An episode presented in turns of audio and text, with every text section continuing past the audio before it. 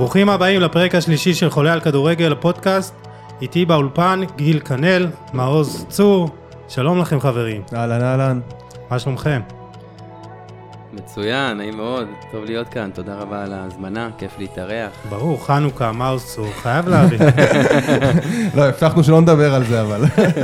אי אפשר, אי אפשר לא לדבר על זה, אני כבר רגיל לכל סוגי הבדיחות וההערות, ו- וכיף. טוב, אז אה, אנחנו הכנו לכם פרק אה, מה זה מעניין. אה, כדורגל עולמי, ישראלי, הגרלת ליגת האלופות, ליגה אירופית. יאללה, מתחילים. טוב, אז אה, ניתן את הכבוד לאורח שלנו, אה, מעוז. אה, מעוז עם, אה, יש לו דף אה, פייסבוק מאוד אה, פופולרי, מעוז צור בהתקפה מתפרצת. אה, אז אנחנו נתחיל ככה לדבר על הדף, אה, מעוז, איך הכל התחיל?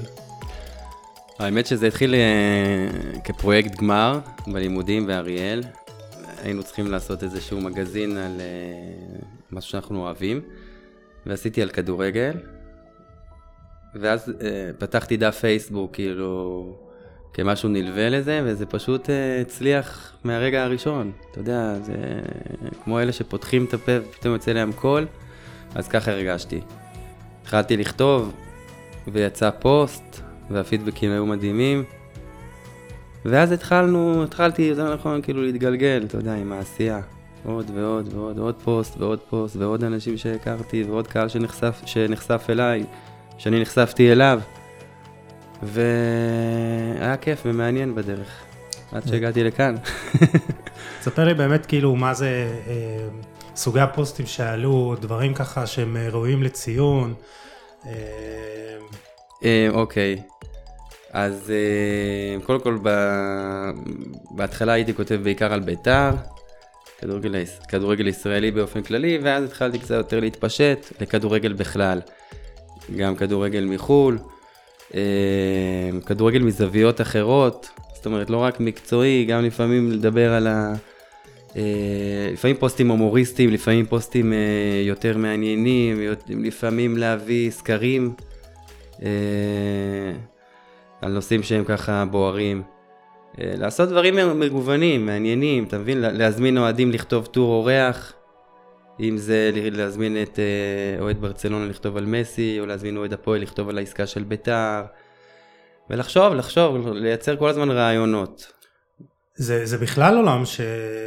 אתה יודע, זה בכלל עולם שאנחנו ככה יותר אה, נחשפים אליו בשנים האחרונות. אה, אני פתחתי את הדף גם אה, אוטוטו לפני שנתיים, אבל יש המון יוצרים ברשת שמגיעים למצב שהם פשוט, אתה יודע, אף אחד כביכול לא מכיר אותם, אבל הם באים והם כותבים אה, עם יצירתיות גבוהה, עם מקצועיות שאתה אומר בואנה, הם לא היו שחקנים או לא היו מאמנים או משהו בסגנון, והם מביאים תוכן שלא היה דבר כזה, שאנחנו לא קוראים אותו באתרים הרגילים, לא שומעים, לא רואים אותו בערוצי הטלוויזיה, אז באמת משהו שהוא ככה מאוד פופולרי בתקופה האחרונה.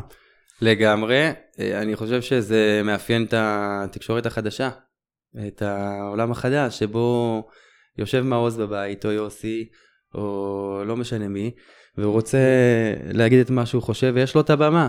הוא לא צריך ללכת לאולפנים, הוא לא צריך... אה, הוא לא צריך לפתוח שום דלת, אתה מבין? הוא רק צריך לשבת ב...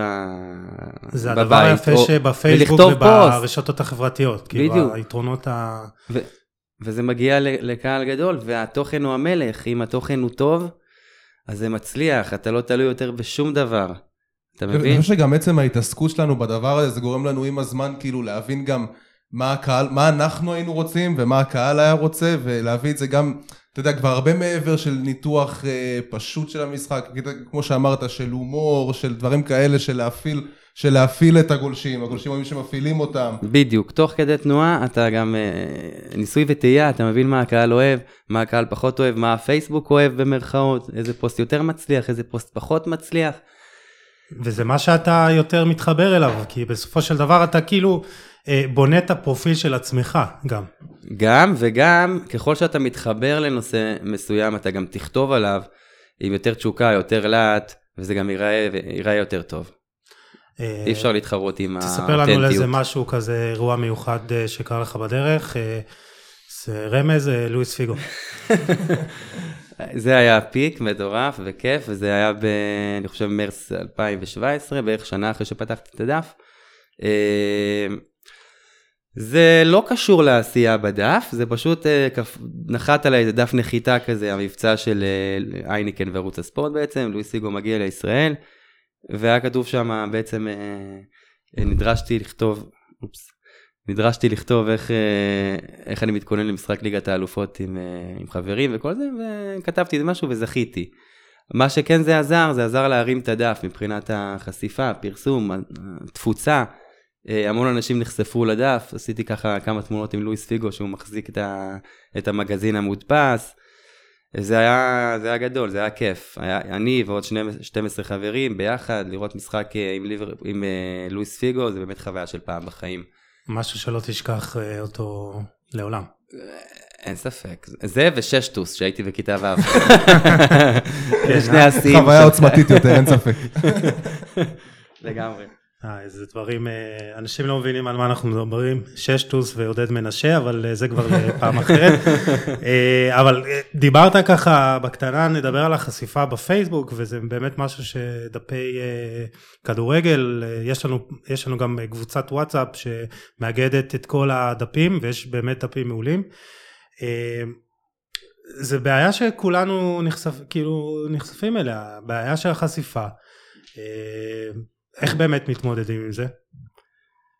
אז שוב, התוכן הוא המלך, זאת אומרת, אם אתה מביא איזה פוסט שהוא ממש חזק, ממש מעניין, זה כן יתפוס, אבל, אבל המצב הוא, המצב הוא קשה. כאילו, החשיפה היום היא משהו כמו 10% או 20% אחוזים ממה שהיה בעבר, עד נגיד לפני שנתיים ככה, וזה פועל יוצא של אה, החלטה של פייסבוק, של מגמה מאוד ברורה, שהם רוצים שהגולש, ה- ה- הגולש שיושב בבית בעצם ייחשף לפוסטים של חברים שלו, ו... ופחות של דפים עסקיים, אוקיי? ואנחנו כדפים נפגעים מזה. יש לזה שתי, שתי סיבות. אחת זה חוויית המשתמש, שפייסבוק דואגים שאנחנו אה, באמת נקבל פוסטים של חברים ונהנה יותר ב, בזמן שלנו, בשהות שלנו בפייסבוק. והסיבה השנייה היא כמובן אינטרס כלכלי. הם רוצים שאנחנו נשלם להם. זהו, אני חושב אני חושב שהפייסבוק די איבד מהפואנטה שלו של פעם, כאילו של רשת חברתית, שפעם, אתה יודע, אנשים מפרסמים פוסטים, מעלים תמונות שלהם, היום אנחנו פחות רואים את זה, היום אתה בעיקר נכנס לפייסבוק, תכלס, אני כאילו, גם אתם, אני בטוח, כל הפייסבוק שלכם מלא בעמודים של כדורגל, ב- בתכנים כאלה ואחרים. כדורגל זה טוב, לא. כדורגל זה מצוין, כאילו, מדהים, אבל אבל- המקרה הגרוע זה פרסומות של סוכני. ביטוח וקונדיטוריות, דברים שלא רלוונטיים זהו, אלינו. הפייסבוק נהיה גם סוג של אה, כאילו אתר רשת שמאגד בתוכה את כל, החד... את כל החדשות כאילו אז בדיוק. אז אה, יכול להיות שזה באמת הסיבה שהפייסבוק רוצים לחזור יותר למקורות יותר לרשת החברתית של פעם של פוסטים של זה נכון, פייסבוק הפ- הפכו בשנים האחרונות להיות אה, מקור לחדשות, כמו שאמרת, אנשים כבר לא נכנסים למאקו, ynet, וואלה. או NRG כדי uh, לראות ולקרוא מה קורה, הם uh, אפילו לא רוצים לראות ולקרוא מה קורה, הם פשוט נכנסים לפייסבוק וזה בא אליהם uh, באופן טבעי, בלי לשאול אותם, הם פשוט רואים שיתופים של החברים שלהם, כתבות או פוסטים uh, בנושא אקטואליה כאלה ואחרים. ואגב לא רק פייסבוק, גם טוויטר, אז פה אנחנו באמת אה, ככה אה, פונים אל העוקבים שלנו שבאמת אם אהבתם אה, משהו אז פשוט תבצעו מעורבות אם זה לייק תגובה שיתוף אה, זה יעזור לנו אה, להיחשף ליותר אנשים וזה יעזור לכם לראות את הפוסטים שלנו בתדירות יותר גבוהה. אה, ואני חושב שאנחנו כבר נתחיל עם התכלס של הפרק שלנו. אה, כמו שאמרתי לכם, אה, הכנו לכם באמת פרק מעניין, וכמו כל שבוע אנחנו נתחיל עם שחקן השבוע, שחקן שבאמת ריגש אותנו, הוא נתן הופעה מדהימה, ואנחנו נתחיל איתך גיל, מי שחקן השבוע שלך? טוב אז אני בחרתי בתאו אורננדז המגן השמאלי של מילאן בעיניי מי שאתה בטח מכיר אותו זוכר אותו מהתקופה בריאל מדריד לא כל כך קיבל uh, צ'אנסים אצל זידן אבל במילאן הוא פשוט מתפתח בשנתיים האחרונות להיות מגן שמאלי בעיניי uh, כבר עכשיו מהטופ שלוש בעולם. אה, מילאן הייתה בפיגור 2-0, בכלל ההגנה של מילאן כבר דיברנו עליה בפרק שעבר, אז במשחק האחרון נגד, אה, במשחק האחרון עכשיו, הם היו בפיגור אה, 2-0 בעצם נגד פארמה. הם איבדו את הבלם שלהם, איבדו את מתאו גביה שהוא גם ככה בלם מחליף לסימון קר, איבדו אותו, במקומו עלה ילד בן 20 שהגיע, קנו אותו מהמילואים של ליון, פייר קוללו, אוקיי? כבר בהתקפה הראשונה של פארמה ראית שזה לא זה, בעצם תיאו ארננדז היה שם אה, השחקן היחיד ככה לסמוך עליו בקטע ההגנתי, מילאן הייתה בפיגור 2-0, החזיר אותה למשחק עם גול בנגיחה, דקה 91. עוד שער שלו, יש משלים צמד, שער שוויון. בסוף עוד הייתה שם התקפה שהוא יצא כאילו לתת השלישי. הוא בעצמו לבד. בלי זלאטן, הוא ללא ספק האיש שלוקח את האחריות במילאן, ותצוגה אדירה שלו, והקבוצה הזאת פשוט לא, לא יודעת להפסיד. כבר משחק 20, 23 ברצף אה, בלי הפסד בליגה, והרצף נמשך. אז דיברנו על זה שבאמת האפקט של אה, בלי זלאטן, איך הוא ישפיע עליהם, וכרגע הם מסתדרים, ואו-טו-טו זלאטן, זלאטן חוזר, ו... איתו כן, כן, גם ההתלהבות אבל, אבל שוב, המשחק, המשחק הזה האחרון, באמת נגד פארמה, הזעיק את הבעיות של מילאן לשמיים בכל מה שקשור להגנה, כי זה, זה פשוט לא יכול להמשיך ככה. כל, כל התקפה נגד מילאן זה פשוט חצי גול. אז, אז זה דברים שבאמת, אלה דברים שבאמת בונים קבוצה מנצחת, קבוצה לאליפות. היכולת לקחת נקודות והיכולת לחזור מפיגור. אה, גם במשחקים שאתה לא טוב, גם במשחקים שחסרים לך שחקנים, וזה לא סתם שחקן, זה זלטן איבראימוביץ', ומשחקים כאלה באמת יכולים לסמן, לתת רוח גבית. אה, אתה יודע, זה, זה כולה נקודה במרכאות, אבל זו נקודה מאוד חשובה. אה, ותיאון ארנדס באמת מוכיח שהוא לא סתם מגן ובאמת מסמל את השחקנים החדשים גם דיברנו עליהם שחקנים שעושים הגנה והתקפה באותה מידה אה, יש לו עשרה שערים, תשעה בישולים עד כה במילאן, וזה באמת משהו שחשוב אה, לשחקן הגנה, להיות גם אה, אפקטיבי בהתקפה. מעוז. אני יכול להתייחס גם לגבי תיאו הרננדס, כן. שהוא סובל במרכאות מאותה תופעה שהייתה לדעתי גם עם חכימי. כן. שחקנים מדהימים שמתקשים לפרוץ בריאל מדריד בגלל המערכת שהיא ככה פחות סבלנית, פחות סובלנית אולי לשחקנים צעירים שרוצים ככה להוכיח את עצמם ולפרוץ. ומדובר פה בשתי כישרונות על, גם חכימי וגם תיאו הרננדז.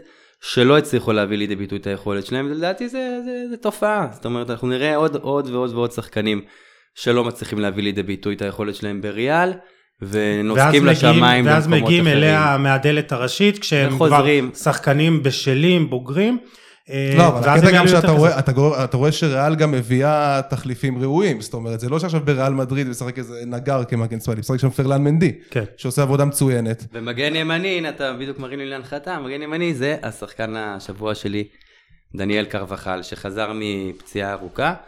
וריגש אותי מאוד השבוע עם השער הנפלא שלו נגד אתלטיקו. למרות שהוא בסוף הביאו זה... עצמי של אובלק. עצמי של אובלק רשמו, אבל נכון, כן, בסדר, ניתן לו. לא היה נכנס אה, עם לא אובלק, אין ספק, אבל אה, השער הזה כל כולו קרבחל, ובכלל, שחקן אה, שכיף לראות אותו, צנוע. שחקן בית, הוא גדל במועדון. נכון, הוא שחקן שגדל, עבר לברקוזן, הוכיח את עצמו וחזר. אז הנה, מה שדיברתי תקף גם לגביו. ואולי אנחנו נראה גם שחקנים כמו חכימי ותיאו רננדס בעתיד בריאל, אוקיי, אני לא פוסל את זה. קרבחל זה נכס לריאל מדריד, הוא קודם כל אישיות. פעם ראית אותו רב עם שחקן, כאילו, כיף, כיף לראות אותו, מקצוען אמיתי, ו... והוא פשוט טוב, גם בהגנה, גם בהתקפה. תשמע, אה, קרבחל מוכיח לפחות השנה שהוא אה, השחקן שאולי הכי חשוב אה, בריאל מדריד. אמ, רואים שהתחליף בעמדה הזאת, אה, ההבדלים הם, הם יותר מאם אתה עכשיו מכניס את אה, ויניסיוס או, או רודריגו, זה פחות או יותר אותו דבר. אה, מגן ימין זה באמת כאילו השפעה מיידית ואתה רואה שריאל מדריד איתו השנה צוברת הכי הרבה נקודות 2.3 נקודות למשחק, נכון. פחות או יותר איתו, וזה באמת אה, מוכיח שזה כיף שיש לך שחקן בית, הוא, כן. אה, העליתי את זה השבוע בדף, שהוא הניח את האבן הראשונה באצטדיון הזה עם אה, אלפרנדו, אלפרדו די סטפנו, אה, איצטדיון שקרוי על שמו, ו... והוא הפקיע את השער הזה בדרבי, ונלך איתו וניתן לו את השער, כי מגיע לו. תשמע, אל תשכח גם שהוא משלים בסופו של דבר אה, רביעייה, בעצם שלישייה הגנתית יחד עם רמוס וורן, שרצה כבר שש שנים, אז מן הסתם שכשהוא שם, אז אתה רואה הרבה יותר תיאום, ואתה רואה בדיוק מה שראינו נגד אתלטיקו, שבטח נדבר על זה בהמשך, שבעצם כל שחקן יודע מה הוא עושה, כאילו זה חבר'ה שכבר רצים ביחד שש, שבע שנים, חבר'ה שלקחו את כל התארים ביחד, עשו הכל. ההשפעה שלהם אדירה, אפשר לראות את זה גם במספרים, מה קורה לריאל כשרמוס לא משחק לדוגמה. ברור. זה, מצד אחד זה יתרון, כי זה באמת נותן לך הגנה מאוד מאוד טובה, ורואים, ראינו את זה גם בעונה שעברה, שההגנה הזאת הביאה את האליפות, אבל מצד שני, אתה רואה כשרמוס לפעמים לא משחק, או כשקרבחל לפעמים לא משחק, אין את התחליפים הראויים האלה, אה, וזה משהו שריאל מדריד די כשלה בו בשנים האחרונות, להביא אה, תחליפים ראויים לוורן ורמוס, אנחנו נדבר עוד על ריאל בהמשך, באמת אה, נתמקד בנושא הזה, אה, אבל אנחנו ככה, אה, אנחנו נתקדם לשחקן השבוע שלי ואני מתרגש אה, להגיד את זה.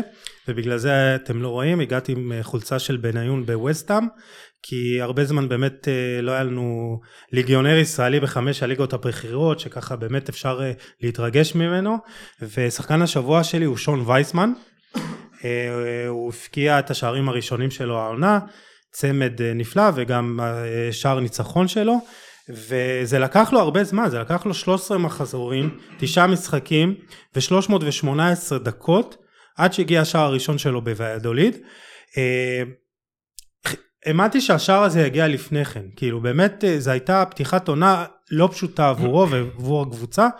אה, אפרופו בניון, אני זוכר שהייתי רואה משחקים שלו בסנטנדר, וזה היה קשה לצפייה כי היא הייתה מאוד מאוד, הייתה קבוצה חלשה, סנטנדר של אה, יוסי בניון, וגם ויאדוליד אותו דבר פחות או יותר, והוא התקשה לבוא לידי ביטוי וייסמן. ב- זהו, תשמע, אני, אני כבר באמת ביום שישי הייתי בהלם, כי אני, לא, לא נעים להגיד, אבל אני הייתי קצת סקפטי בכל מה שקשור לווייסמן.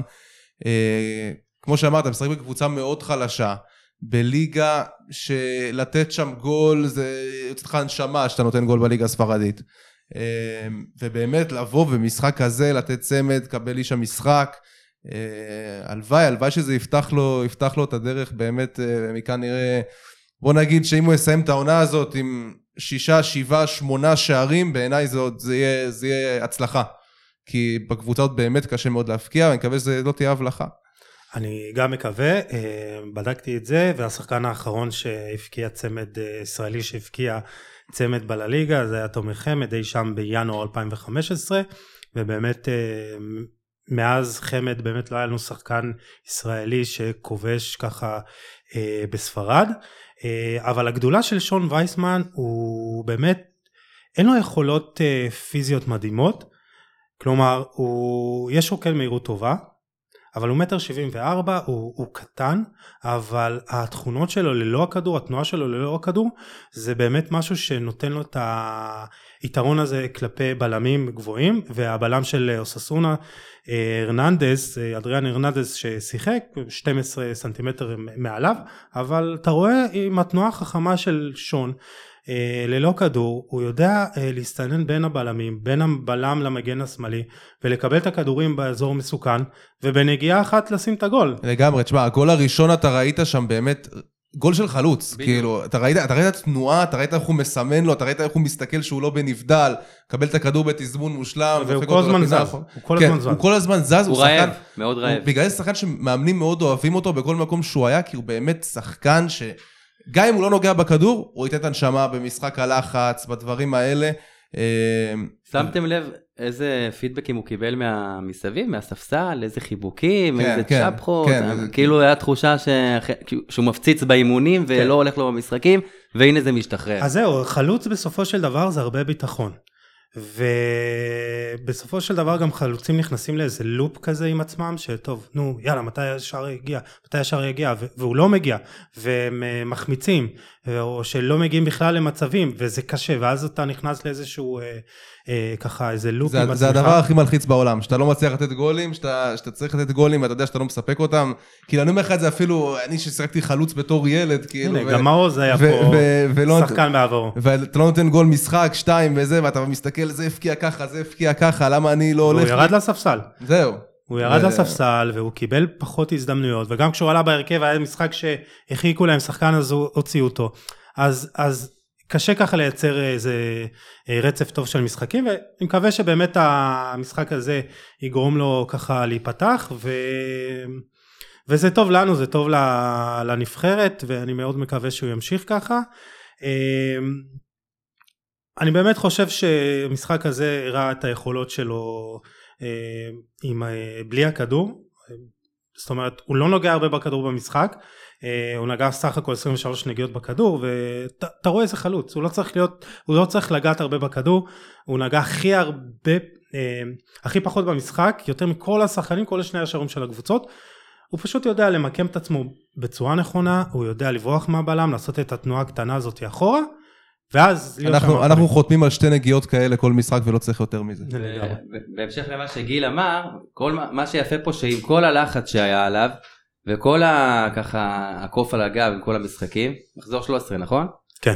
אה, עם כל זה, הוא קיבל את הכדור, ועם כל הקור רוח שבעולם, והוא- הגיע לפינה, והוא עשה סיבוב מרשים, גדול. זה היה מרשים, סיבוב סיבוב גדול, ענק. השתלטות אדירה על הכדור, וקטן, אתה יודע, כמו נימני כזה ברחבה, בקור רוח, פק לפינה. כן, ואז וזה הכי הרשים אותי, אתה יודע, לא עם כל הכוח, עם כל הנשמה, בום, כמו שבדרך כלל קורה במצבים כאלה. שאתה אומר יאללה שייכנס כבר. כן, וגם השער השני, אה, זה היה מתפרצת מדהימה של אה, ואלוד- גם. גם, התרוממות, נגיחה של חלוץ. כן, שמע, מטר שבעים וארבע, ואתה רואה ששחקנים לא יש לו- פיזיים, יש לא לו גבוהים. ניטור אבל, אה, כן. וייסמן, זה כן. אי אפשר לקחת ממנו. אבל זה באמת התנועה, ואני מאוד שמח עם ההופעה שלו, ואני מאוד מקווה שזה ימשיך. אה, ואנחנו נתקד- נתקדם לקבוצה שלך, אה, מעוז, ריאל מדריד, הקבוצה הראשונה בין שתיים שאנחנו נדבר עליהן היום. אה, ריאל מדריד, אה, זה היה קיץ יבש. זה 40 שנה, ריאל לא ביצע שום רכש, אה, אפס החתמות חדשות, 15 מכירות אה, השאלות, אה, הכניסה כמעט 100 מיליון אירו אה, ממכירות שחקנים, אה, ורק שחקנים חזרו מהשאלות, אה, אודגור, אודריזיולה, אה, לונין, שוער המחליף, סך הכל עזבו גארד בייל, רודריגז, חכימי, סרחיו רגילון, שאפרופו דיברנו על מגנים שמאליים, יכול להיות שהוא יחזור, אברהים דיאז שהושל למילאן, ועושה רושם, אני חושב שהעונה של ריאל מדריד, בהתחשב בקיץ הרגוע שעבר עליה, איזה עונה סבירה, שמינית גמר ליגת האלופות, מקום שלישי עדיין לא רחוק כזה בליגה אה, מהפסגה. אפשר להגדיר את העונה הזאת סבירה עד כה.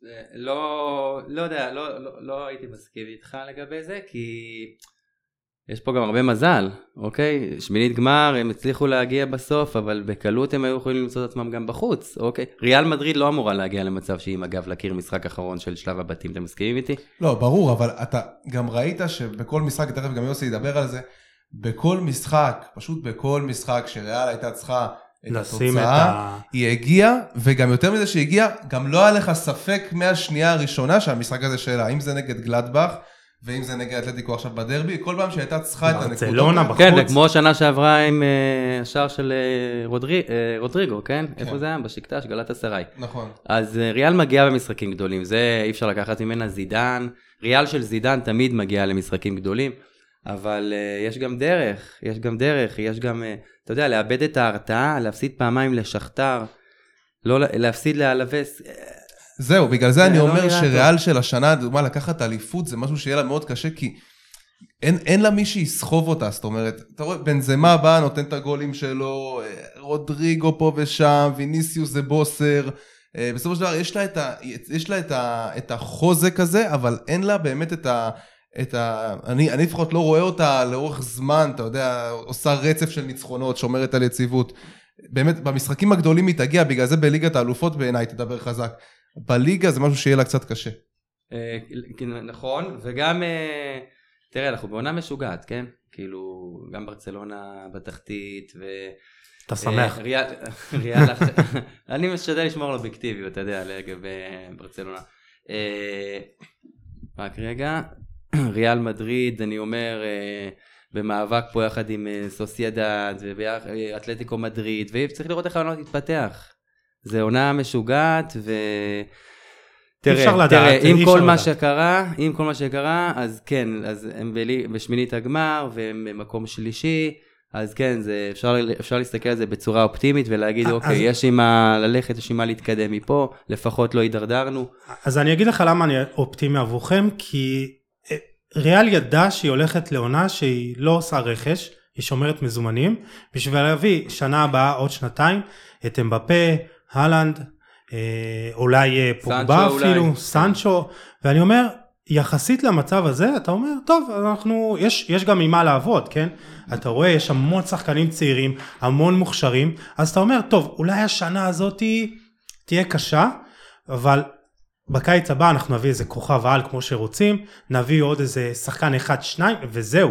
זאת אומרת יש את הבסיס, השנה הזאת עוד אגור יצבור דקות משחק בריאל, יש לך את וניסיוס ואת רודריגו שיקבלו עוד קצת ניסיון, ואתה יודע הקבוצה יש הזאת, לך את הבסיס- קובו שמושל. לג...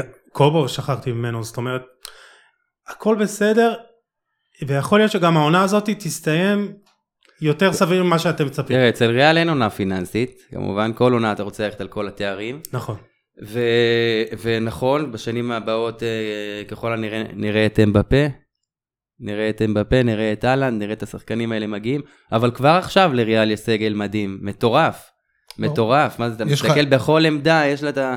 אה, אפשר להגיד את הצעירים הכי טובים בעולם, ולוורדה, ויניסיוס, אבל, אבל תחשוב גם שמעבר לזה, קח, את, קח שחקן כמו טוני קרוס. אני, אנשים כאילו, זה יש, נכון, יש תחושה שהוא איתנו כבר כאילו שנים.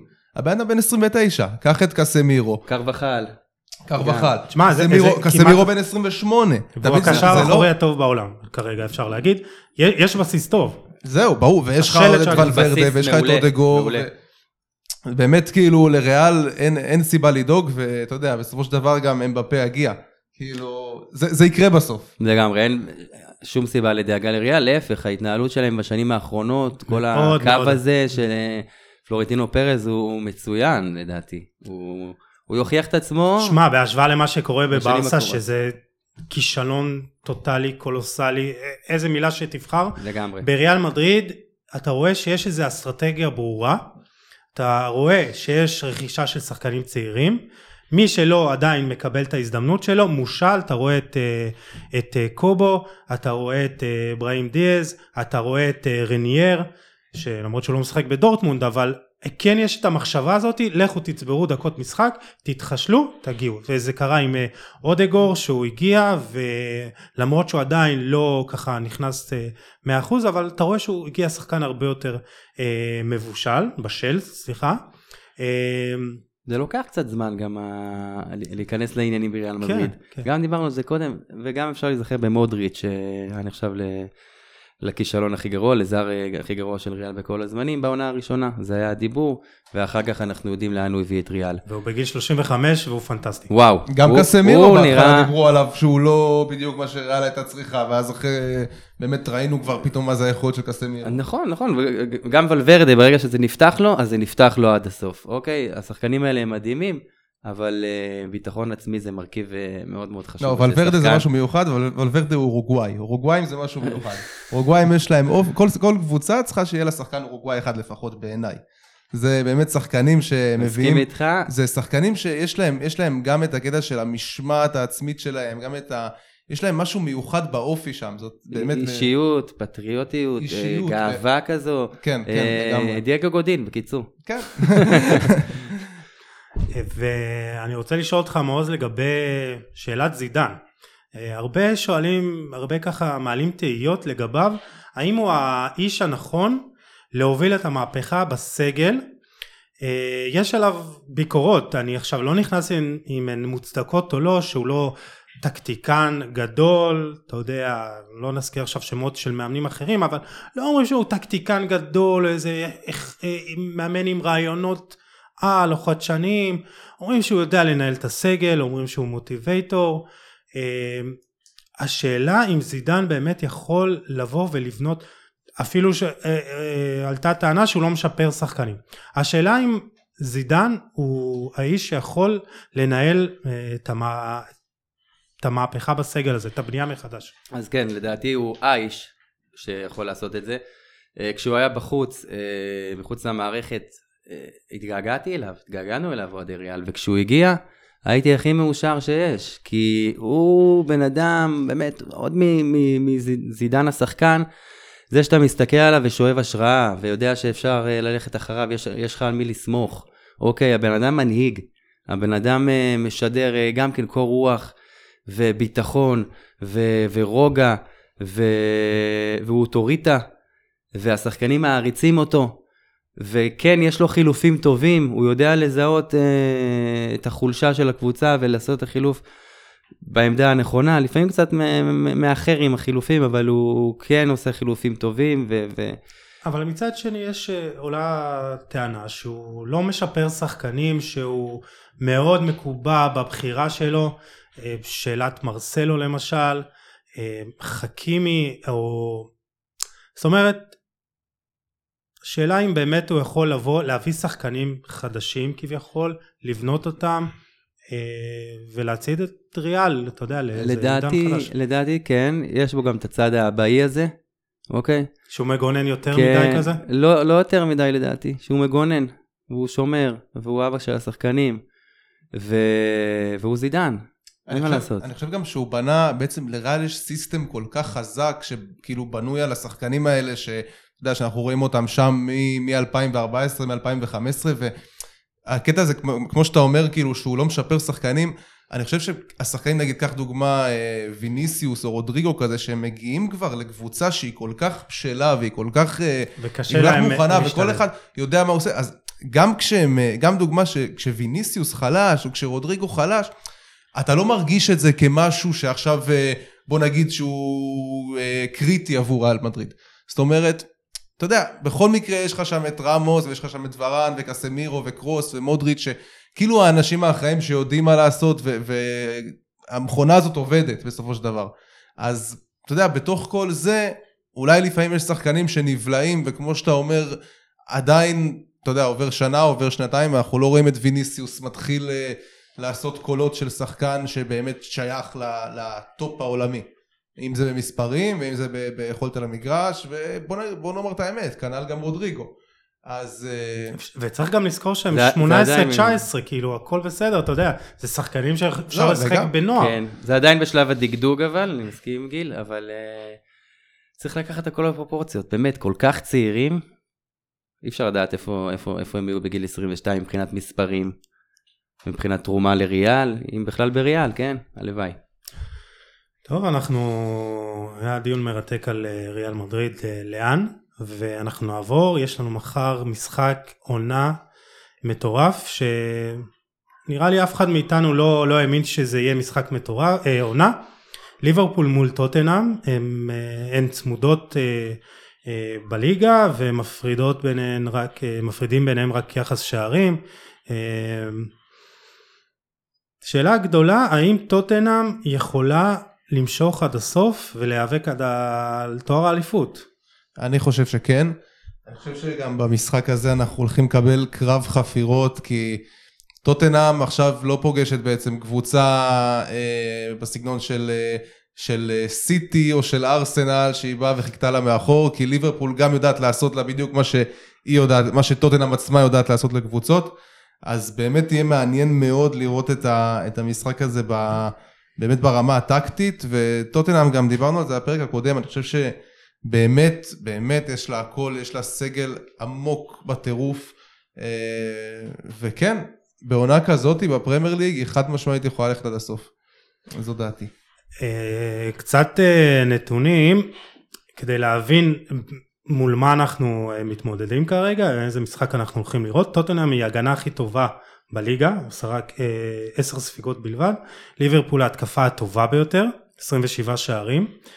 אה, טוטנאם, אתה יודע, גם היינו רגילים לראות את מורינו וזה עוד משהו שנדבר עליו. שקבוצות שלו הגנתיות, טוטנאם היא ההתקפה השלישית הטובה ביותר בליגה.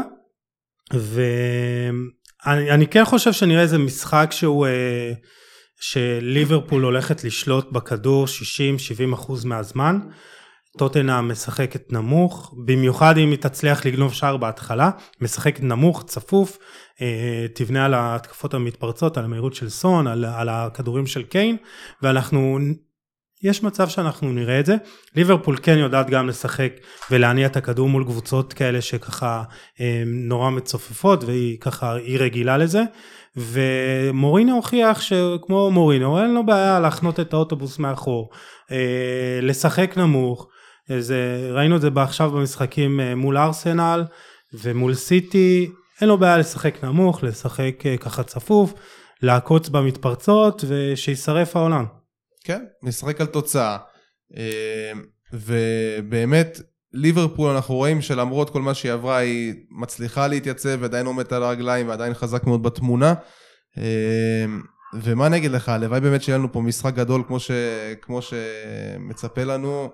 אמ, באמת הליגה האנגלית השנה, כל משחק אתה לא יכול לדעת מה יקרה, כל משחק עולם בפני עצמו. ו... טוטנאם קבוצה חזקה בטירוף ויכולה באמת ללכת עד הסוף. דיברנו על זה בפרק הקודם אה, גיל שליברפול אה, הפתיע אותנו שלא האמנו עד כמה היא יכולה להיות אה, עדיין עוצמתית ועדיין מנצחת ווינרית אה, ללא כל הפצועים שלה.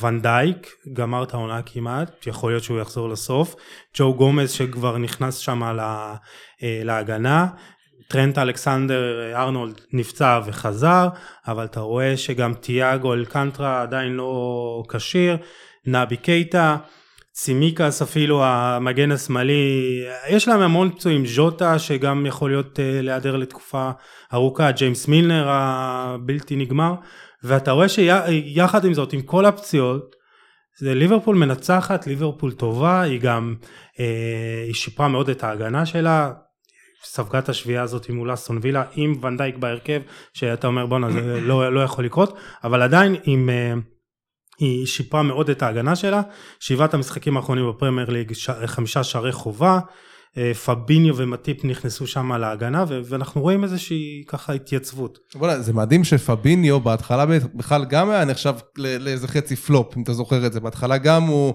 לא כל כך... פה בריאל מדריד דיברנו על זה בדרך אני ומעוז ש...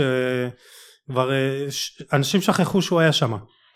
פביניו. כן. כן, אשכרה. תשמע, באמת, שחקן שעשה שדרוג אדיר, הוא סותם ליורגן קלופ כל כך הרבה חורים, גם כבלם, אה, גם כקשר אחורי, באמת, היום אנחנו, אין, אין לנו באמת הרבה אה, כבר קשרים אחוריים עם אוריינטציה כל כך הגנתית, כאילו, יש לנו, נשארו, אתה יודע, פביניו, אה, קסמירו, אה, גם קנטה עשה את ה... השדרוג הזה לעמדה שהיא קצת יותר קדמית. אין לנו כבר את השש, את השש הקלאסי הזה. כזה כן, אז זה שוואלה, נותן לך ביטחון לצאת קדימה, ותמיד נשאר שם באמצע ושורף שטחים, אה, ופביניו הוא כזה, ובאמת הערך המוסף שהוא נותן לליברפול זה פשוט אה, יוצא דופן. נקודת אה, אולי חיסרון של, של שניהם, של פבינו ומטיפ, שאני לא יודע איך הם יסתדרו עם המהירות של, אה, אה, של, של סון, של אה, ברכפיין אם ישחק, ובמיוחד פביניו. זה יהיה נקודה שבאמת ליברפול לפעמים פותחת את המשחק, מגנים למעלה ויכולה להיחשף למתפרצות של טוטנאם. וטוטנאם זה תופעה כאילו דיברנו על קיין וסון כאילו בפרק הקודם ואי אפשר שלא אה, להזכיר אותם גם עכשיו כי סון בישל לקיין את השער אה, האחרון. ו... אתה יודע, מה זה, מה זה בישל? כאילו, כל, כל מסירה, כל מסירה של שחקן אחד כן, כזה לשני, כן, זה לא היה בישול גדול, זהו, זה נתן לו פס. אבל פשוט כל מסירה שמוסרים או סון לקיין או קיין לסון, זה נגמר בשער. כאילו, גם עכשיו ראית קיין עם איזה בעיטה דרדלה מאיזה 25 מטר ל- לאמצע השער, ובעונה כזאת זה נכנס. כאילו כי סון מסר לו, זה פשוט מטורף. מעוז, אתה זוכר איזה צמד כזה שהיה כל כך עוצמתי? אני כאילו... נימלי ודריקס. אני... אה, צמד שהיה כזה עוצמתי ב- בליגה האנגלית. בכלל, היה את פרנק למפרד ודרוגבה שהם עדיין הטופ של המשתפי פעולה עם 36 שערים, קיין וסון שם עם אה, 32, אבל זה... זידן ורונלדו היו צמד אה, נהדר בזמנו, רונלדו הברזילאי, איי, איי. אבל לא לא במספרים האלה. דל פיירו וטרזגה, גם היו צמד קטלני. נכון. ואנחנו רואים את, ה... את כל כך השדרוג העוצמתי הזה שהגיע ודיברנו על זה בהקשר של מורינו שהמון קרדיט מגיע אליו אבל אני חושב שבעקבות גם הסדרה הזאת של אה, טוטנאם באמזון הכל או כלום אה, עכשיו מורינו עם האינסטגרם שלו שהוא כוכב על מסתבר משהו השתנה שם ב... כאילו אנשים מקבלים אותו פתאום יש תחושה גם שכאילו רוצים שטוטנאם תצליח, נכון? כן. כאילו, אתה רוצה משהו חדש, אתה רוצה משהו מרענן, וליברפול קיבלה את שלה. אבל זה בעיקר 30 שנה. בעיקר בגלל מוריניו, הוא, הוא שינה שם את התדמית של הקבוצה, את החשיבה שלה, והוא שינה את היחס שאנשים מתייחסים אליו. פעם, אתה יודע, אמרו מוריניו הזה מיושן, מאמן הגנתי, אה, אתה יודע, ככה יחסי אנוש אולי פחות טובים, אבל אה, נחשפנו גם בסדרה על הקרבה שלו לשחקנים, על הישירות שלו מצד אחד, אבל יכול להיות שזה גם מה ששחקנים צריכים, לשמוע את הבן אדם הזה שיהיה אמיתי איתם, אמיתי זה לא משנה אם אה, אה, מולם באחד על אחד בשיחה או מול הקבוצה, הוא יגיד להם מה שהוא חושב, אבל משהו השתנה, כאילו אנשים הרבה יותר מקבלים את מוריניו. אני חושב גם שזה הקטע שמוריניו בא אנדרדוג אחרי הרבה שנים. זאת אומרת, פתאום, אתה יודע, כל הכבוד לטוטנאם, אתה יודע, זאת לא מנצ'סטר יונייטד וזאת לא צ'לסי, אה, וזה גם לא אינטר. זה, זה, אם הוא ייקח פה באמת אליפות עם טוטנאם, זה יהיה כמו שהוא לקח את ליגת האלופות עם אינטר ברמה כזאת. עם פורטו. עם, גם. גם עם פורטו, נכון. אה, כאילו האנדרדוג שאף אחד לא ציפה. לא, פורטו הייתה האנדרגור של האנדרדוג, כן. אה, טוטנאם עדיין יש לה קצת כוכבים וזה, אבל אין ספק שזה יהיה הישג אה, אדיר. אני רוצה להגיד על מוריניו שעם כל התדמית הקשוחה שלו, ו... איך זה היה בריאל? עיתונאים פוחדים למצוא אותו בסמטה חשוכה, אבל השחקנים שלו מעריצים אותו, מאוד אוהבים את מוריניו. נכון. איך, איך אה, זה היה באמת עם ריאל בתקופה שלו שמה? כי באמת ריאל מבחינה חברתית, חברתית ומקצועית. אז היה את העניין עם קסיאס, באמת, כן. שהיה את הדיבור אה, על המחנות שנוצרו ו- וכל זה. אבל אפרופו אה, קסיאס, היום- גם לאחרונה היום, היה אה, משהו שבאמת הם אה, די... היום... מעריכים אה, אחד את השני. בדיוק, קסיאס אה, התבטא לא פעם ולא פעמיים אה, בחיוב לגבי מוריניו. אה, הוא מאוד מעריך אותו, אה, אני קצת לא מבין, האמת, כי בכל זאת הוא, הוא פגע בו מאוד מבחינה מקצועית ותדמיתית, בזה שהוא ייבש אותו על הספסל, קסיאס, הסמל הכי גדול של ריאל מדריד באותה תקופה. אה, זה נקודה אבל- שחורה בהיסטוריה של ריאל מדריד, אפרופו קסיאס. כאב לראות את זה, כן, את היחס כלפיו כאוהד. אה, וזה קסיאס, הייתי בן 16 כשפתחתי, כש- כשראיתי אותו אה, מזנק לכל פינה ו- וכמו תמנון מטורף, הוא בעצמו היה בן 19 אז, אה. נגד ליברקוזן, ככה בפעם הראשונה שראינו אותו בגמר ליגת האלופות 2002. זה- זה אפרופו סיפור מדהים, אנחנו חוזרים לזה. לא, לא ראיתי ספר, בחיים שלי הופעת בכורה כל כך מרשימה של שוער. כמו אה, ההופעה שהוא נתן. אה, אגב, שלשום ראיתי הופעת בכורה מטורפת של דני אבדיה, אבל זה כבר אה, נושא וואו, לפודקאסט וואו. אחר. אה, היה גדול. הנה, אחרי כל מה שהוא עבר, הוא עדיין מעריץ אה, ומעריך את, אה, את מוריניו, ויש דברים שאנחנו לא יודעים כנראה. והם שניהם יודעים, והם יודעים למה הם אה, כל כך מעריכים אחד את השני. אז זהו, אז אני באמת חושב שגם הסדרה אה, חשפה את אה, העולם למוריניו. אה, כאילו, הרבה, הרבה אנשים שאני מדבר איתם על מוריניו, אה, שינו את היחס. שינו את דעתם, בדיוק. כאילו, אה, כי פתאום... גילו את הבן אדם שהוא. נכון, וכאילו, הוא אחלה בן אדם נראה. למרות התדמית נראה. הקשוחה. כן. לא, אבל אתה רואה אותו כזה קליל באינסטגרם, ולמרות שזה כזה עולם כזה, אתה כן, יודע, דמיוני. בסוף כולם בני אדם, כאילו, אתה יודע. אה, בין אם זה מוריניו, או אברהם גרנט, או ארסן ונגרר, סליחה על. איך שרבבתי את אברהם גרנט ככה בין שניהם. בסוף כולם... אברהם, אברהם בכל מקום. לך. תדע, בסוף אבל כולם, למה הכנסתי את? אברהם? כי, כי, כי, כי את אברהם גם יצא לי להכיר, כי הוא, הוא בן אדם, הוא פסיכולוג מהלך, נכון. אוקיי? הוא... אז מעבר לזה שהוא מאמן כדורגל, הוא בן אדם שיודע להסתכל לבן אדם אחר בעיניים ולדעת איך הוא מרגיש. וזה מה שגרם לו, גם. זה מה שגרם לו להוציא מהשחקנים שלו את המיטב במשך השנים, ולהוציא גם את החוזים הטובים ביותר מהבעלי בית שהוא עבד איתם, ולהשיג את התפקידים, את הג'ובים המטורפים שרק הוא יודע איך הוא הגיע אליהם. ואנחנו מדברים כאילו על יחסי אנוש, וזה באמת משהו ש... אני מאוד מאמין בו שיחסי אנוש, אה, כמו שאחד המאמנים האהובים עליי בעולם היום, אה, יוליאן נגלסמן, אמר שמאמן טוב זה 30% טקטיקה ו-70% אינטליגנציה רגשית, שכלומר אתה יכול להיות אה, מאמן כביכול פחות טוב, טקטיקן פחות טוב, אבל אם אתה תהיה בן אדם עם יחסי אנוש גבוהים, אתה תוציא, אתה תהיה מאמן מצליח. אני חושב שלא משנה מה יש לך בראש, אם אתה לא בן אדם, אתה לא יכול להעביר את זה הלאה. אתה כן. מבין? אף אחד לא יקשיב לך, אף אחד לא ייקח, אף אחד לא יסתכל עליך בהערצה, אבל אף זה אחד לא בדיוק מה יקבל עם את אה, הדברים מוריניו, שלך עם בשקיקה. מוריניו באמת זה היה איזה גם, אולי אז התקופה הייתה ב- תחושה כזו שהמסרים. לא, כן. המסרים, הייתה תקופה כזו שהמסרים לא עברו ממנו והלאה, אוקיי? כי כן, כי, כי, כי הייתה שם איזושהי בעיה.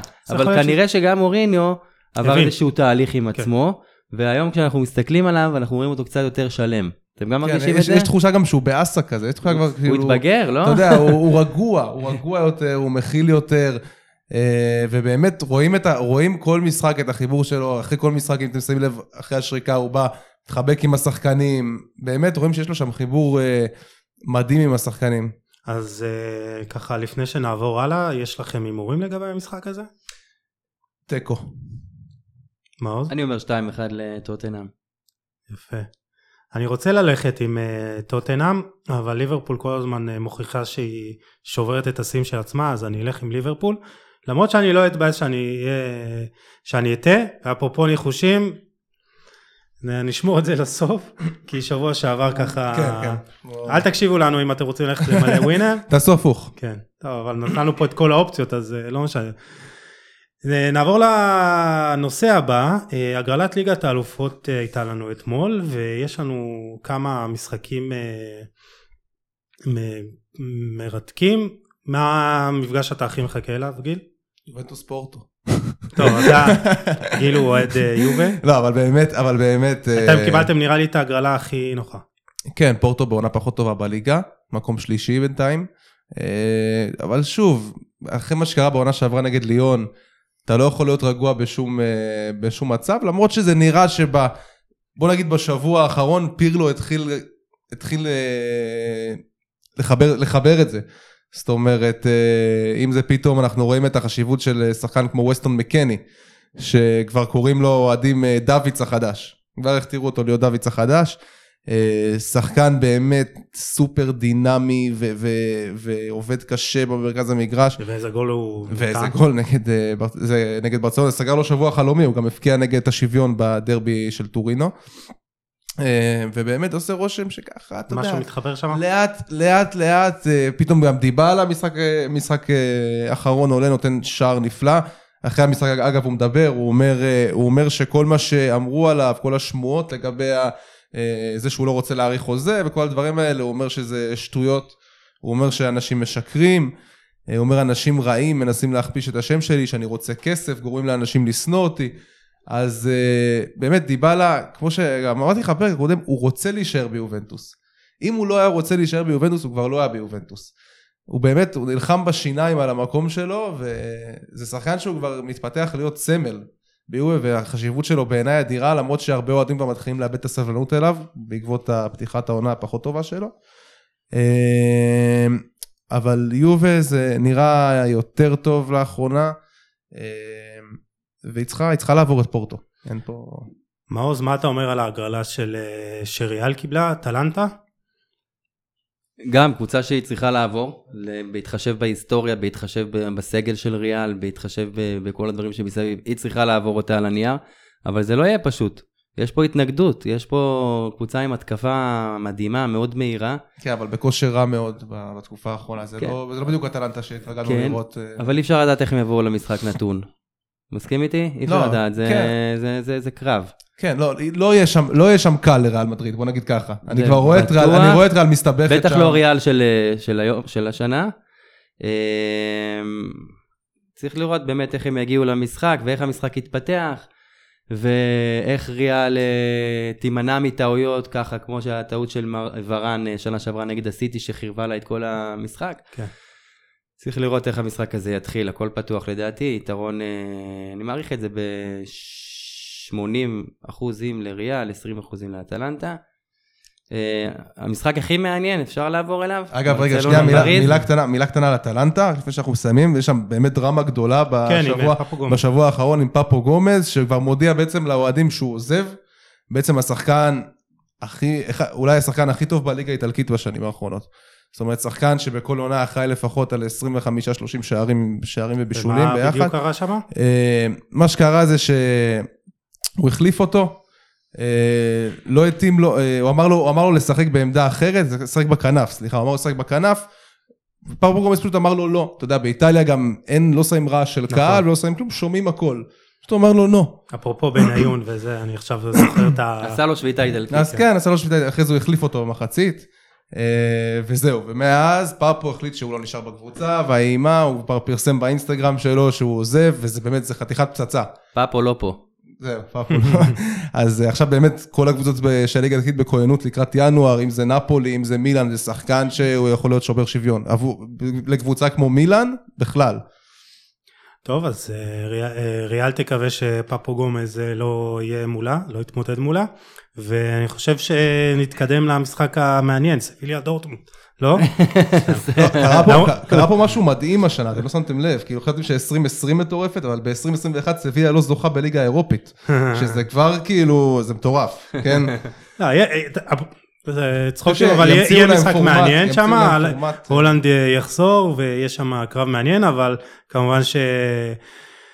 הרמונטדה, ברצלונה, פריס סן ג'רמן, ואני חושב שפריס סן ג'רמן לא כזאת אה, עצובה מה... כמה שזה עצוב להגיד את זה, יכלה לקבל אה, ככה... אה, בוא נגיד, את, אה, יכל- יכל לקבל אה, קבוצה כמו צ'ל- כמו אתלטיקו, כן, כן, שזה היה לה יותר קשה, אה, גם לייפציג אפילו. כן. אפשר. לייפציג אה, קבוצה מדהימה וגם אה, עשתה לה הצהרות קצת בשנה שעברה. אה, איך אתה רואה את זה מעוז, את הסיכויים במשחק הזה? אה, יש מצב שאנחנו הולכים לראות את ה, מה שנקרא את הנפילה הגדולה של ברצלונה. קצת מזכיר את מה שהיה אה, שנה שעברה נגד ביירן, לפני חצי שנה נגד ביירן, עם המשחק הבלתי נשכח הזה, המפלה הזו. אה, צריך לראות גם איך המשחק הזה יתחיל ויתפתח, אבל אה, איך שאני רואה את זה, הם הולכים לכתוב שם סתירה רצינית מאמבפה, נאמר וחבריהם. דיברתי על זה גם בדף, על המצב של ברצלונה, אה, אחרי משחק נגד אה, לבנטה, שהיא ניצחה בקושי משאר של מסי, ודיברתי על זה שברצלונה היא אחת, ברצלונה של העונה, היא אחת הקבוצות המשעממות, האפורות של, של, של ברסה שראיתי מאודי, במיוחד אני- בתקופה של אה, אני, מסי. אני חושב שהבעיה היא קומן, ואני אסביר לא רק בקטע המקצועי, הבן אדם הזה פשוט משדר שהוא כבר מזמן איבד את חדר ההלבשה. אם זה השבוע שמפרסמים אה, בקטלוניה, מדווחים שהוא יצא על ריקי פוטש בעצם מול כל הקבוצה, אמר לו אתה מדליף. יצא על ריקי פוטש, אה, ובכלל, אתה רואה כל ההתנהלות שלו מההתחלה עם סוארז, ואתה רואה את, ה, את איך שהוא, איך שהוא אה, יוצא על הספסל של יובנטוס, כשהקבוצה שלו מובסת. בלחץ, אתה הוא אומר. בלחץ, הוא משדר את הלחץ הזה, ואגב, גם, גם ההיסטוריה שלו מלמדת על זה, היה לו ב- בוולנסיה בזמנו, פיטרו אותו, פיטרו אותו רגע אחרי שהוא, רגע אחרי שהוא לקח גביע, הוא הסתבך שם עם אה, קניזרס ואלבלדה וחואקין, שלושה שחקנים ותיקים, נכנס בהם, יש לו, יש לו נטייה להיכנס חזית עם שחקנים. זאת אומרת, אתה רואה, כל, אז קח את כל מה שאמרנו, ובמיוחד בעונה שאין לך סגל עמוק, אתה צריך את השחקנים. זהו, אז נגיד כל מה שאמרנו על זידן, אז באמת תיקח ותהפוך את זה, כאילו, ואני אומר, אני אומר אין ניסים, אתה רואה שהקבוצה שם, היא לא משחקת, היא לא משחקת בשבילו, כאילו, היא פשוט, היא פשוט עולה על המגרש, ולא תשכנע אותי שסגל השחקנים של ברצלונה זה מה שהוא שווה. לא, הוא, הוא לא שווה עכשיו אליפות, אבל הוא שווה התמודדות ב... אה, הוא שווה הרבה יותר הוא, ממה הוא. שווה יותר, לא צריכה להיות שם, אבל זה סגל שהוא חסר פתרונות, אין חלוץ, אה, הבלמים, אתה רואה את הבלמים, אה, סרג'יניו דסט עדיין לא עכשיו מישהו שאפשר לבנות עליו במשך שנים, בוסקץ חלש בצורה שאני לא, לא ראיתי איתו אף פעם. עם ריאל מדריד אני לא דואג לגבי העתיד שלה, ברצלונה השנה שנתיים הקרובות לא נראות טוב. לגמרי, אה, זה פשוט, אה, זה ברצלונה הגדולה של אז, של צ'אבי, איניאסטה, מסי וכל זה, ולראות אותה היום, אתה יודע, זה מרטין כמו האדם. שמבייש את, אה, את ילדותו, כאילו אדם מבוגר שמבייש את כן. נערותו, ב- ב- בזה שהם פשוט, היית פעם מסתכל על ברצלונה והיית אומר וואו איזה מהלך, פעמיים שלוש באותה התקפה, היום אתה מסתכל ואתה כמו שאמרת משתעמם, לא, ותשמע, היא תשמע, הייתה יחסית בסדר במשחק אני- הזה, אבל אתה אומר זה לא, זה לא זה. אני חושב ששוב העונה הזו זו, זו הנפילה של אה, ברצלונה הגדולה ההיא. ו... וכן, צריך לעשות אה, ניקוי אורוות רציני ולהביא כמה שחקנים חדשים ולהעיף כמה שחקנים קיימים ולהחליף מאמן ולהחליף הנהלה ולעשות כל כך הרבה דברים כי, כי זה פשוט נראה רע וזה ילך ויהיה יותר גרוע, שלא תטעו. כן, אין- אין שם אפשרות, עושה אין אפשרות לא גם להביא טוב. שחקנים עכשיו. מתחילת העונה הם לא מתפקדים בגלל האנרגיה הרעה שנוצרה במועדון. מסי היה חייב לעזוב בקיץ, היו צריכים לתת לו לעזוב, אוקיי? זה גם בא ממנו, ו- ודי, הייתה תחושה של מיצוי, אז לא, אז הוא נשאר בכוח, ואתה רואה מה קורה. זה לא נראה טוב. מסי צריך לעזוב את ברצלונה, לעשות את השנתיים, שלוש, ארבע, חמש הבאות שלו במקום אחר, הקטע למצוא הקטע אתגר עם מסי חדש. כבר נהיה פוליטי לחלוטין, זה פשוט כל נשיא לא רוצה שבמשמרת שלו מסי ילך, ופשוט ככה זה נראה. זה כבר לא רלוונטי, זה פוגע בברצלונה, זה, זה, זה נראה לא טוב, חבל שככה יזכרו. כל, כל זמן שלו פה כרגע הוא, הוא, הוא גורם לנו לשכוח את, ה, את הגדולה שלו ואת העוצמה שהייתה, שהייתה לו עד עכשיו. אוקיי, עכשיו זה אה, כבר, זה לא שהוא כבר לא שחקן טוב, אה, כמובן שלא, אבל שוב, האנרגיה, הביטחון העצמי, התחוש, הכיף, אין, חסר לו כבר הכיף הזה. אתה רואה אותו הולך במגרש כמו חי מת. זה לא נראה, זה לא נראה טוב. ואני מאחל להם. שייפרדו, ואני חושב שזאת הולכת להיות ה- הסתירה המצלצלת, אה, גרסה הסופית, 2 של כן. ברצלונה הולכת לחטוף. רק שהפעם זה לא יהיה קונצרט גרמני, אלא נשיקה צרפתית ככה מבפה. אמבפה ונאמר. אה, טוב, נתקדם לה- להגרלת אה, 32 האחרונות אה, בליגה האירופית, אנחנו ככה נעשה את זה זריז. אה, במוקד, מכבי תל אביב נגד שכתר דונייצק ומנור סולומון. זה יהיה כאילו התמודדות מכובדת אה, למכבי תל אביב, אבל אם, אתה יודע... לא, לא ההגרלה שמכבי קיוותה וציפתה לה, אם כבר לקבל קבוצה, אתה יודע, האוהדים, כולם רצו כבר לקבל מישהו. פה איזה טוטנאם, אולי מילאן. ארסנל, למרות, אתה יודע, ארסנל... ד- דווקא האוהדים נראה לי סבבה, לא? לראות לא. את סולומון. זהו, לראות את סולומון, אבל מצד שני יש לך פה קבוצה שהיא... בוא.